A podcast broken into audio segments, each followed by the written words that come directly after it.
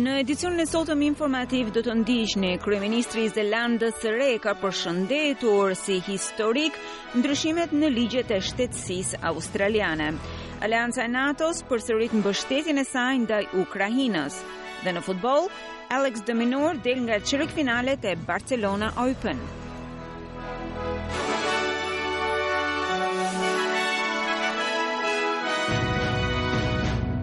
Dhe fillojmë më gjërësisht me lajmet. Rreth 380.000 shtetas të Zelandës së Re tani do të kenë të drejtë për të aplikuar për nënshtetësinë australiane, pa patur nevojë që të kthehen në banorë të përhershëm. Kjo sipas ndryshimeve gjithëpërfshirëse, të cilat rivendosin reciprocitetin ndaj të drejtave të emigrantëve të dy vendeve. Kryeministri i Zelandës së Re, Chris Hipkins, e ka përshëndetur ndryshimin e ligjeve në lidhje me shtetasit e tij si historik, pasi qindra mijërave iu ofrua një rrugë drejt shtetësisë australiane.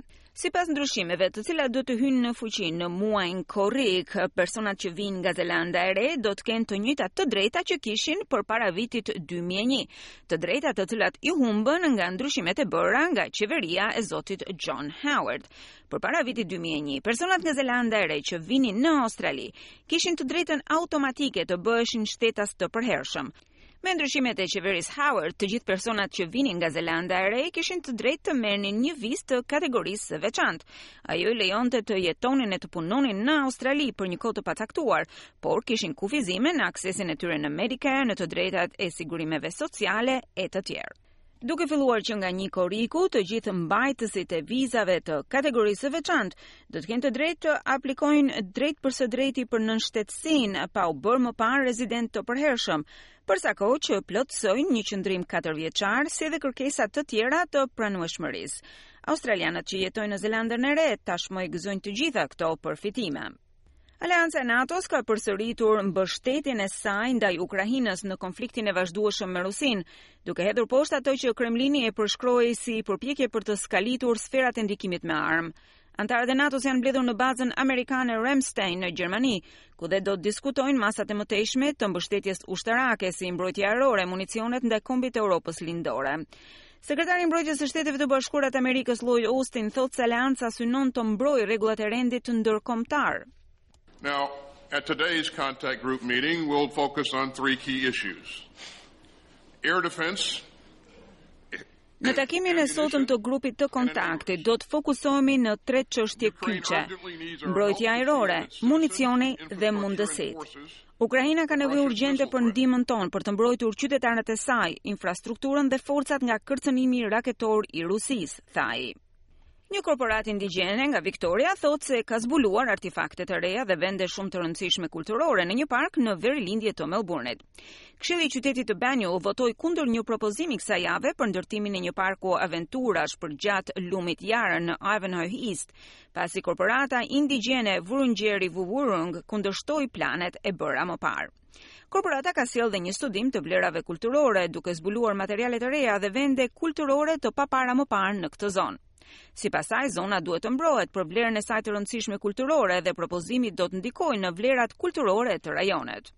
Dhe kalojmë në Shtetet e Bashkuara. Gjykata e Lartë ka vendosur dje që të ruajë të drejtën që gëzojnë gratë amerikane tek medikamentet që përdoren për abort, derisa të përfundojë një proces gjyqësor në lidhje me këtë çështje. Gjykata ka vendosur pro kërkesave urgjente të bëra nga administrata Biden si dhe prodhuesit e medikamentit Mifepristone për të mos lejuar zbatimin e një ligji të vendosur nga një gjykatë më e ulët, e cila synonte të ndalonte këtë medikament në të gjithë vendin. Administrata Biden e ka apeluar vendimin e gjykatës së Teksasit, ndërsa kërkonte që të hidhte poshtë një vendim të administratës së ushqimit dhe barnave që lejonte përdorimin e këtij medikamenti. Ilaçi është miratuar për përdorim në Shtetet e Bashkuara që nga viti 2000, e atë e kanë përdorur më shumë se 5 milion gra. Medikamenti përdoret i kombinuar me një ilaç të dytë, misoprostol, në më shumë se gjysmën e të gjitha aborteve të kryera në Shtetet e Bashkuara të Amerikës. Shefi i strategjisë për qendrën e politikave publike Stanton Patrick Mahoney thotë se vendimi është vendimtar. Today, by the end of the day, the Supreme Court will issue a decision Sot, Gjykata e Lartë do të nxjerrë një vendim për një nga çështjet më të rëndësishme të abortit në pesëdhjetë vitet e fundit. Shumë njerëz e kanë keqkuptuar vendimin e Roe versus Wade kur u përmbys ai, por tani është vetëm fillimi për një Amerikë. Pothuajse 60% e të gjitha aborteve janë aborte kimike, tha ai. Mbeturinat e Montevideo Maru, viktima e fatkeqësisë më të madhe detare australiane, janë gjetur në brigjet e Filipineve. Anija u gjet tetëdhjetë vite pas fundosjes nga një nëndetëse amerikane gjatë Luftës së Dytë Botërore. Rreth nëntëqind e shtatëdhjetë e nëntë të burgosur australianë humbën jetën në këtë katastrofë, tridhjetë e tre norvegjez dhe njëzet persona ekuipazh japonez. John Mullen është drejtor i fondacionit Silentworld dhe financoi pjesën më të madhe të kësaj ekspedite. Ai u shpreh se gjetja e rënojave ishte rezultat i disa viteve punë. Ndërkohë dhe kryeministri Anthony Albanese ka komentuar nëpërmjet një postimi në rrjetet sociale rreth zbulimit të rënojave të Montevideo Maru. Zoti Albanese shprehu shpresën e tij se zbulimi do të sjellë ngushëllim për familjet e viktimave.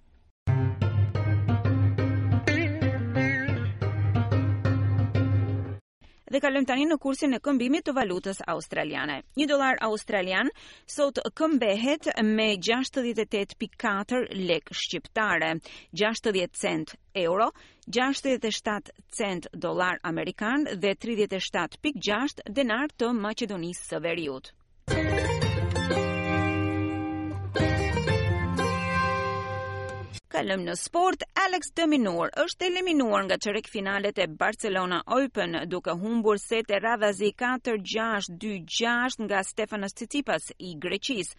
Tenisti australian nuk ishte në gjendje që të fitonte kundër 25-vjeçarit athinas, duke thyer shërbimin e tij edhe duke qenë i frustruar në disa raste. Numri 5 në botë Tsitsipas përballet me italianit Lorenzo Musetti. Në ndeshjen tjetër Carlos Alcaraz nga Spanja do të përballet me Dan Evans të Britanisë së Madhe.